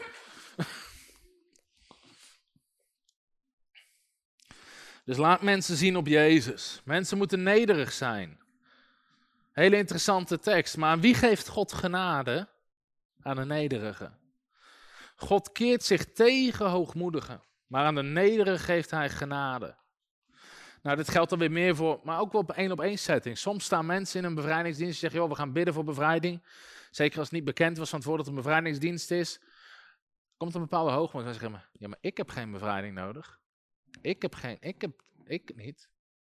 En, en dat, zou, dat gebeurt ook nooit iets. Want ze, ze wederstaan. In plaats van dat ze zich nederig opstellen. Aan de nederige geeft hij genade, onderwerp je God. En dan zegt hij, biedt weerstand van de duivel. En hij zal dat wegvluchten. Nou, voor sommige mensen kan het zijn, joh, erken dat je bevrijding nodig hebt. Deze is heel belangrijk qua nederigheid. Zorg dat mensen niet alleen vrij willen komen van demonen, maar ook van de levensstijl die daarbij hoort. Van de levensstijl die daarbij hoort. Geldt niet voor alles, maar voor sommige dingen wel. Soms hebben mensen eigenlijk een levensstijl, bij wijze van spreken, van seksuele onreinheid, die ze best wel bevalt. Dat ze het leuk vinden om daarmee bezig te zijn, te flutten, dat soort dingen. En ja, ja, het zorgt ook voor allerlei problemen. Broer, help me af van mijn demonen. Maar ik ga zaterdagavond alweer naar de club zie sommige mensen meteen een telefoon pakken, even uit hun agenda schrappen, zaterdagavond thuis op de bank. Maar, uh, grapje. Um, in ieder geval, weet je, mensen moeten vrij willen komen van de levensstijl. Heeft ook te maken met een soort. Kijk, mensen die wanhopig zijn. Weet je, dat, dat, daar werkt het vaak goed. Die, beseft met alles. Ik heb bevrijding nodig. Waarom werkt genezing en bevrijding veel krachtiger in Afrika? Die mensen zijn wanhopig. Die hebben geen andere opties. Die hebben geen andere opties. Er is geen ziekenhuis of ze hebben geen geld voor een ziekenhuis. Of je ontvangt je genezing in Jezus, of je sterft. Dat is voor veel mensen het geval. Dus ze zetten alles op alles om hun geloof te krijgen en hun wonden te ontvangen. Nederlanders hebben heel veel opties. Geldt voor genezing, maar geldt ook voor bevrijding. Ja, ik ben wel depressief, maar ja, bevrijdingsdienst heftig. Ik slik wel antidepressiva. En mensen gaan eigenlijk, ook, ook daarin hebben we opties. Dus mensen moeten wanhopig worden. Hè, Derek Prins die stuurde soms mensen het weg en zei die, kom maar terug als je wanhopig bent. Kom maar terug als je wanhopig bent. En daarom geven soms mensen ook de opdracht, dat we eigenlijk altijd gewoon staan met een bevrijdingsdienst. Joh, neem, neem tijd om te vasten van tevoren als je dat kan. En dat is voor de een misschien 1, 2, 3 dagen. Sommige, maar weet je, bereid je geestelijk voor. Zie het niet als een McDrive waar je even zo doorheen wordt gehaald. Maar als je kan, bereid je geestelijk voor met bidden, vasten. Weet je, geef er aandacht aan. Stel je nederig op. Ga echt naar God toe. Van Heer, ik wil vrijkomen. Daarom heeft Herman Boon ook zo'n gigantisch uh, effect en mandaat op die bidden- en vaste week. Omdat mensen geestelijk al helemaal in die modus zitten. Zich bidden, vasten, vernederen voor God. En dan veel meer openstaan, ook door vasten voor die geestelijke wereld. Dingen sneller aan het licht komen. En dan zie ik dat er in één keer veel meer resultaat is. Ook nederigheid als het gaat om manifestaties. Hoe vaak ik mensen niet wel horen zeggen: Ik wil wel vrijkomen, maar niet manifesteren. Het gaat niet op jouw voorwaarden. En dan kan je tegen mensen zeggen: joh, kom maar terug als je wanhopig bent. Want dat is dan zijn stokstijf zich vasthouden. Ik wil niet manifesteren. Weet je, als je voor ze bidt, is net of je hand op een koude muur legt, ketst gewoon terug de zalving. dat is helemaal geen ontvangstmodus. Zelfs soms met mensen, gewoon aan het bedienen bent, die staan, ik wil niet vallen in de geest. Gaan ze zo staan. Weet je, dan moet God dan even een groot werk gaan doen. Alles op hun voorwaarden. Alles in mijn eigen degelijkheid. Nou, soms moet je kiezen tussen je waardigheid. En je bevrijding. Als mensen kiezen voor hun waardigheid, is het trots. En God weerstaat trots. Eerlijkheid. Mijn zonde maakte ik u bekend, mijn ongerechtigheden bedekte ik niet. Ik zie dit ook als reden dat sommige mensen niet vrijkomen of eigenlijk niet eens bevrijding willen. Omdat ze niet eerlijk zijn. Ze zijn niet eerlijk. En ik, we kennen allemaal van die mensen, ze zitten hier niet in de zaal, maar we kennen ze allemaal wel. Waar vaak hun hele leven om hun heen best wel een puinhoop is. Ze hebben altijd ruzie met alles en iedereen. Ze hebben ruzie met familie, ze hebben ruzie met vrienden, ze hebben ruzie op hun werk. Ze hebben vaak heel verschillende banen gehad. Alles loopt stroef, maar het ligt niet aan hun.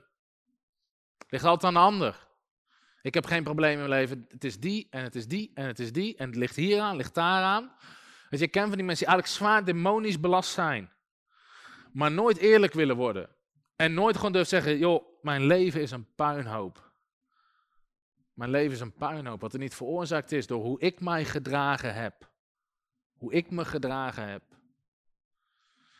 En dat is in het algemeen, als het altijd aan een ander ligt, dan klopt er iets niet. En je zeggen wel eens vaak, als het overal stinkt waar jij bent, is het waarschijnlijk je eigen bovenlip.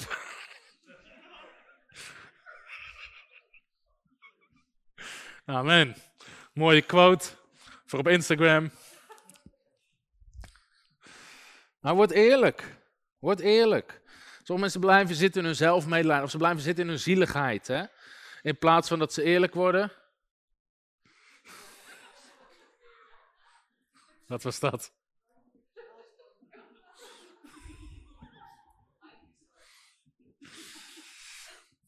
Weet je, in plaats van mensen zitten in zieligheid of ik ben zielig, ik ben zielig. Weet je, word gewoon eens eerlijk. Van joh, soms hebben mensen echt letterlijk, weet je, best wel veel mensen om me heen bezeerd of afgestoten, relatie kapot gemaakt. Dan zeggen ze, ja, maar die persoon is bij me weggegaan en dit. En ze vinden zichzelf vooral heel zielig. Of het ligt aan iedereen behalve aan hun. En dat, dat zijn geen voorwaarden waarop bevrijding komt. Word rauw en eerlijk, ook naar God toe. Sommigen zeggen, ja, ja ik, heb een, ik heb een probleempje met... Uh... Nou, dan kom je erachter dat het probleempje is dat ze al veertien keer vreemd zijn gegaan. Dat is geen probleempje. Weet je, noem zonde zonde. Wees eerlijk over wat je gedaan hebt. Onbeleden zonde kunnen demonen het recht geven om te blijven. Dus daarom ook het beleiden van zonde en bekeren van zonde. Jacobus zegt, beleid elkaar de overtreding en bid voor elkaar, opdat u gezond wordt, opdat er genezing komt, omdat er weer heelheid komt. Wie zijn overtredingen bedekt, zal niet voorspoedig zijn, Maar wie ze beleid en nalaat, zal barmhartigheid verkrijgen. Beleid en nalaat. Handelingen 19. Kwamen mensen, kwamen zich bekeren. En meteen kwamen ze zondige daden beleiden. En ook hun toverboeken en al die dingen kwamen ze verbranden. In de tegenwoordigheid van allen.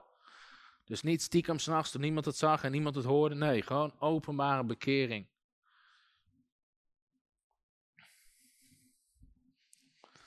En Johannes 1 vers 9, als wij onze zonde beleiden, hij is getrouw en rechtvaardig om ons te vergeven en ons te reinigen van alle ongerechtigheid.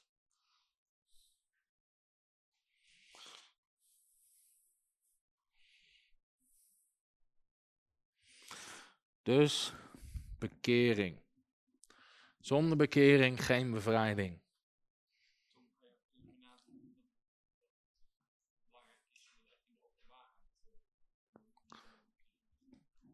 Ja, dingen in het licht brengen. Je ziet ook vaak dat als je dingen in het licht brengt, dat het de kracht weghoudt. Dat het de kracht weghoudt. Daarom zegt wij ook beleid elkaar uw zonde. Hoeft niet altijd. Maar zeker in een pastorale setting, één op één setting wel. En er zijn ook genoeg verhalen van mensen die niet vrijkomen. En als je dan dus door gaat vragen, dat ze eigenlijk dingen hebben die ze gewoon niet verteld hebben. Ze proberen eigenlijk een bevrijding te krijgen zonder dat te zeggen. Dat zou ook wel makkelijk zijn. als het dan toch lukt. En dan zie je eigenlijk is er nog geen nederigheid, is er nog geen eerlijkheid, is er nog geen bekering.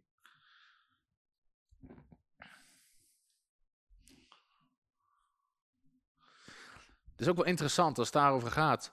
Sommige mensen hebben alleen spijt van de gevolgen van de zonde. Niet van de zonde zelf. David riep uit in Psalm 51: Tegen u, Heere, heb ik gezondigd. Tegen u, Heere. Eigenlijk was op een gegeven moment. David baalde er niet van dat de profeet Nathan hem door had. Dat is het verhaal van Nathan die daar komt en die gelijkenis vertelt van die schapen. En eens zegt David, jongen, jongen, jongen, de man die dat heeft gedaan. En dan zegt, Nathan zegt, u bent die man. U bent die man. David dacht niet van. David, en dat, dat is eigenlijk, daarom was David ook een man naar Gods hart. Hij baalde niet van, oh nee, Nathan heeft me door. Hij besefte, ik, ik heb gezondigd tegen God. Hij zegt, tegen u, heren, heb ik gezondigd. In de eerste plaats had hij berouw naar God. En sommige mensen hebben alleen spijt van de gevolgen van de zonde. Dat ze betrapt zijn bijvoorbeeld op hun overspel of dat soort dingen. Of dat het hun gezin kapot heeft gemaakt. Maar niet van, het, van, van de daad op zich. En dat geldt voor elke zonde. Dus soms is het wel eens goed. Ik heb zoals mensen letterlijk doorgevraagd. Ik had ook ik kan niet te veel, maar iemand kwam ergens niet van vrij. Gegeven begon ik hier eens op door te vragen. En toen zei hij, hij ja, maar ik heb eigenlijk, had ook te maken met, hij zegt, ik heb eigenlijk helemaal geen spijt daarvan. Gewoon de, de rotzooi die het gemaakt heeft in mijn leven. Toen zei ik, zolang je deze houding hebt, ga je hier nooit van vrijkomen. Nooit. Je hebt tegen God gezondigd. Ja, maar uh, waarom is God ook zo streng op dat gebied? Weet je, met dat soort excuses. Ja. Christendom, dom, dom. Breek met occulte zaken. Breek met occulte zaken. Als je daarvan. Is ook dingen in je huis, godsdiensten, allerlei dingen. Breek er radicaal mee. En dat is voorbeeld van, ik had wat die vriend van mij die Afrikaanse kunst had geërfd van zijn ouders. Was veel geld waard, gigantisch veel geld waard. Maar weet je, hij gooide het weg, want hij wist er zitten occulte machten achter. Bekeer, gooi weg. Beelden, armbanden, kunst, muziek, kleding, sieraden, noem maar op. En neem er afstand van, ook als dingen in je generatie. En dan vraag je, of God die bloedschuld wil wegwassen, of, of, dat, eh, of dat het bloed van Jezus, iedere vloek te niet gedaan wil worden en die vloek, wordt, die vloek wordt dan verbroken. Maar er zit bekering aan vast. Bekeer je van dit verkeerde geslacht. Dus laat je er ook niet meer mee beïnvloeden daarna. Ook niet omdat, ja, maar wij spreken bij ons in de familie is het altijd gewoon om die toverdans te doen. Doen we altijd. Nou, dan doe je niet meer mee vanaf dat moment. Weet je, en ik zeg, maar sommige dingen lopen, mensen lopen er tegenaan in familie, allemaal rituelen of dat soort dingen. Of, of als iemand overleden is, ja, dan probeer je toch oma nog een keer op te roepen om met het te praten. Wat doe je niet mee? Weet je, maar blijf daar ver vandaan. Bekeer er radicaal van. Laat oma waar ze is. Amen. Vergeef. Misschien wel een van de grootste. Als er geen vergeving heeft gestroomd van jou naar wat die persoon, ja, nogmaals, kan verschrikkelijk zijn wat iemand je heeft aangedaan, misbruikt, uh, verraad, allemaal dingen. Mensen kunnen je de meest verschrikkelijke pijn hebben aangedaan. Maar je moet ze vergeven. Jezus zei, laat los en nu zal losgelaten worden. Vergeving is een geestelijke band en een geestelijke macht. En de Bijbel zegt, als wij niet vergeven, stroomt ook, kan er geen vergeving van God naar ons toe stromen. Heel heftig, maar er zit daar dus een blokkade in de geest. En die blokkade houdt ook je bevrijding tegen. En soms zorgt vergeving, zegt, gaf hem aan de pijnigers over. Lucas 6 of 7, vers 38. Of 37, ergens in die koers. Uh, Lucas 6, vers 37. Ja. Laat los en u zult losgelaten worden. Dus met vergeving stem je absoluut niet in wat die mensen hebben aangedaan, maar je kiest ervoor om ze los te laten. Gaan zo meteen um, koffie drinken. De laatste stap is dit. Je drijft de demonen uit. Je drijft de demonen uit. En dit kan je dus gewoon in een één op één setting doen. Je kan het in een groep doen. Maar dit is vaak als je echt een bevrijdingsdienst hebt en je neemt mensen mee door dit proces. En laatst gewoon, je begint die demonen uit te drijven. Je begint ze aan te spreken. En uh, we hebben zelfs een, uh, die kan ik wel toesturen. Hele lijst met demonen, en zelfs groepen demonen die je tegen kan komen. Vaak in diensten lopen gewoon door die groepen heen. En terwijl je een bepaalde groep aanspreekt, begint, beginnen mensen te krijsen. Spreek je een ander iets aan, begint er iets anders los te komen. Uh, soms is het door gewoon de openbaring van de Heilige Geest. Dat de Heilige Geest onderscheid van geest geeft. Dat je weet, hé, hey, hier heeft het mee te maken en je spreekt dat aan. Soms wordt je geconstateerd dat welk probleem er is. Dus iemand heeft een probleem, net zoals Jezus met die doofstomme jongen. Dat Jezus zegt, geest die dit en dit veroorzaakt. Geest die dit en dit veroorzaakt. Weet je, en zeker in een pastorale setting, soms heb je ook echt wel tijd om gewoon met iemand te bidden. En ook te bidden voor genezing van die wonden die daar ontstaan zijn. Dat die deuren dicht gaan, je spreekt die demonen aan. Je kan er ook best wel soms een wat langer, langer de tijd voor nemen. Om daar doorheen te bidden, te luisteren naar de Heilige Geest. Hoeft ook niet altijd in een minuut te gebeuren. Weet je, neem gewoon echt de tijd om samen met iemand dan te bidden. Je spreekt de onreine, of de gewoon, ik kan ook gewoon normaal zeggen, iedere onreine geest, iedere boze geest, ga eruit in Jezus' naam. Ga eruit in Jezus' naam. En dan kijk je hoe mensen reageren en wat er gebeurt. En vaak, mijn ervaring is, dat is de ene vaak zijn het groepen demonen. Maria Magdalena had zeven demonen. Die Marcus 5 had de Gadarene. Zelfs die man in Marcus 1, waarvan we niet weten dat, hij heftig manifesteerde, zei... Daar praat die demonen in meervoud. Bent u gekomen om ons te pijnigen? Zaten meerdere demonen in die man. En dus heel vaak zijn er meerdere demonen of zijn er groepen demonen. Jezus onderwijst ook, er komen er zeven terug. Dus heel vaak als je bezig bent, dan krijg je onderscheid van geesten. En na de een volgt de ander en, de weer, en dan worden daar verschillende demonen aangesproken. Op een gegeven moment leer je ook kennen welke demonen aan elkaar gekoppeld zitten. Ja, dus vaak zie je bijvoorbeeld een geest van agressie, geest van geweld, geest van moord. Een geest van afwijzing zit vaak een geest van zelfmoord, dat soort dingen. En dus op een gegeven moment ga je die demonische groepen leren herkennen als je het veel doet.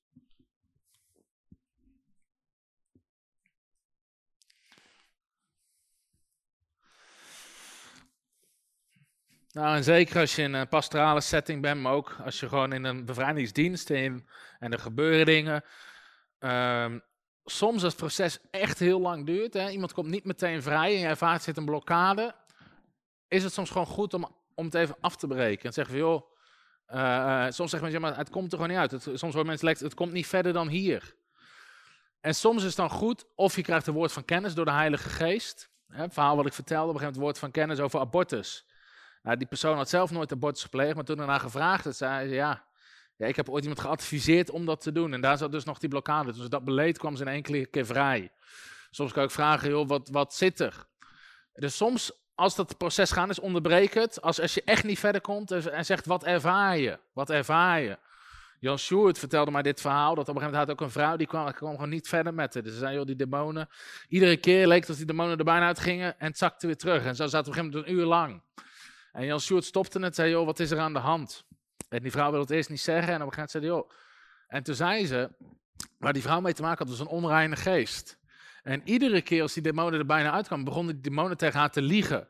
Uh, en die zeiden, verleid die man, pleeg overspel met die man. Die demonen begon in haar te liegen. En ze wist, ja, maar dat is niet goed. Dus ze drukte dat iedere keer weg. Maar eigenlijk zat ze die bevrijding daar tegen te houden. En toen ze dat opengooide, en Joshua sprak dat aan, kwam ze in één keer vrij. Dus soms is het gewoon goed dat aan mensen vragen, joh, wat ervaar je? Wat gebeurt er? Uh, zijn er dingen die je achterhoudt? Of wat dan ook?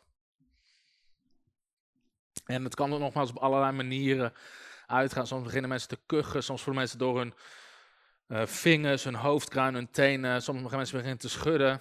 Uh, kan van alles gebeuren. Het laatste wat ik hierover ga delen, en dan gaan we door naar de pauze. Dan hebben we na de pauze nog een klein stukje onderwijs. Dit is een, uh, iets wat ik van Jan Sjoerd heb geleerd, uh, waardoor mensen sneller bevrijding ontvangen. Dat is een soort extra tip. En dat noemt hij schuilen bij de Heer. Mensen waarvoor je bidt voor bevrijding, laat ze schuilen bij de Heer. Er zijn heel veel psalmen, heel veel teksten die spreken over schuilen bij de Heer. Behoed mij, o God, ik schuil bij u. Maar ook wie bij u schuilen, redt u van hun tegenstanders. De Heer heeft mij altijd geholpen en bevrijd. Hij bevrijdt hen nu ook van de zondaars. Hij redt hen, want zij schuilen bij hem. Nou, wat ik hiermee bedoel, en wat mensen ook mogen leren in zo'n bevrijdingssessie, of nou in een massasetting is een één op één sessie, is dat ze in de rust komen. En dat ze weten, ik ben veilig bij God, ik ben in een veilige omgeving. Want als mensen heel gespannen zijn, werkt het vaak niet. Want ze zijn veel te druk met andere dingen bezig. Of ik wil niet manifesteren. Of, of oh, als er maar niks geks gebeurt. Of mensen zitten. Of het maakt de manifestatie veel heftiger. Omdat ze hun lichaam verkrampen, begint er echt, begint er echt iets heel heftigs te gebeuren. Dus help mensen ook gewoon om rustig te worden.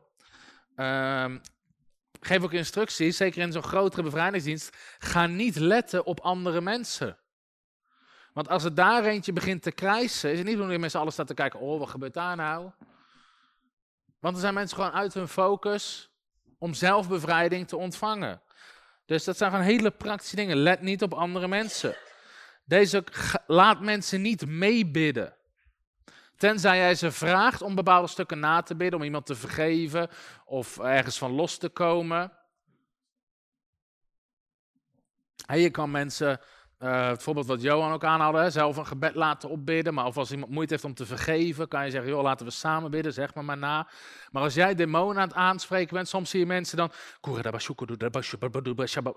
En is eigenlijk maar heel druk zichzelf aan bezig met de tongentaal bidden. Maar het is helemaal niet de bedoeling om op dat moment met tongentaal te bidden. Je moet gewoon vrijkomen. Dus als mensen gewoon relaxed zijn, het gewoon over zich heen laten komen en gewoon zeg maar, die geest gewoon aan laten spreken. En soms zeg ik zelfs tegen mensen, joh, help actief mee. Dus als je voelt dat er iets begint te gebeuren, ga het niet tegenhouden of onderdrukken. Maar laat het gewoon gebeuren. Laat manifestaties gebeuren. En dat kan een hele grote sleutel zijn, waardoor mensen veel sneller vrijkomen. Waardoor manifestaties soms minder heftig zijn en waardoor je gewoon veel meer resultaat behaalt. Dus dat even over manifestaties. En hoe bid je voor bevrijding? Hoe is dat proces daar naartoe? Ja? Vijf minuten koffiepauze. En dan gaan we verder. Hallo, Tom de Wol hier en bedankt dat je weer geluisterd hebt naar onze podcast. Ik bid dat het je geloof gebouwd heeft en je bemoedigd bent. Als je niet alleen een luisteraar van onze boodschap wil zijn, maar ook een verspreider daarvan, wil ik je uitnodigen om partner te worden van Frontrunners. Door jouw maandelijkse donatie help je ons om dit evangelie van Jezus Christus en het woord van God over heel de aarde te brengen. Om partner te worden ga naar www.frontrunnersministries.nl slash partners en word partner. Hartelijk bedankt en tot snel. Heb je ook zo genoten van deze inspirerende boodschap van Tom de Wal? Abonneer je dan op deze podcast. Volg ons op Facebook en op Instagram en kijk op onze website frontrunnersministries.nl.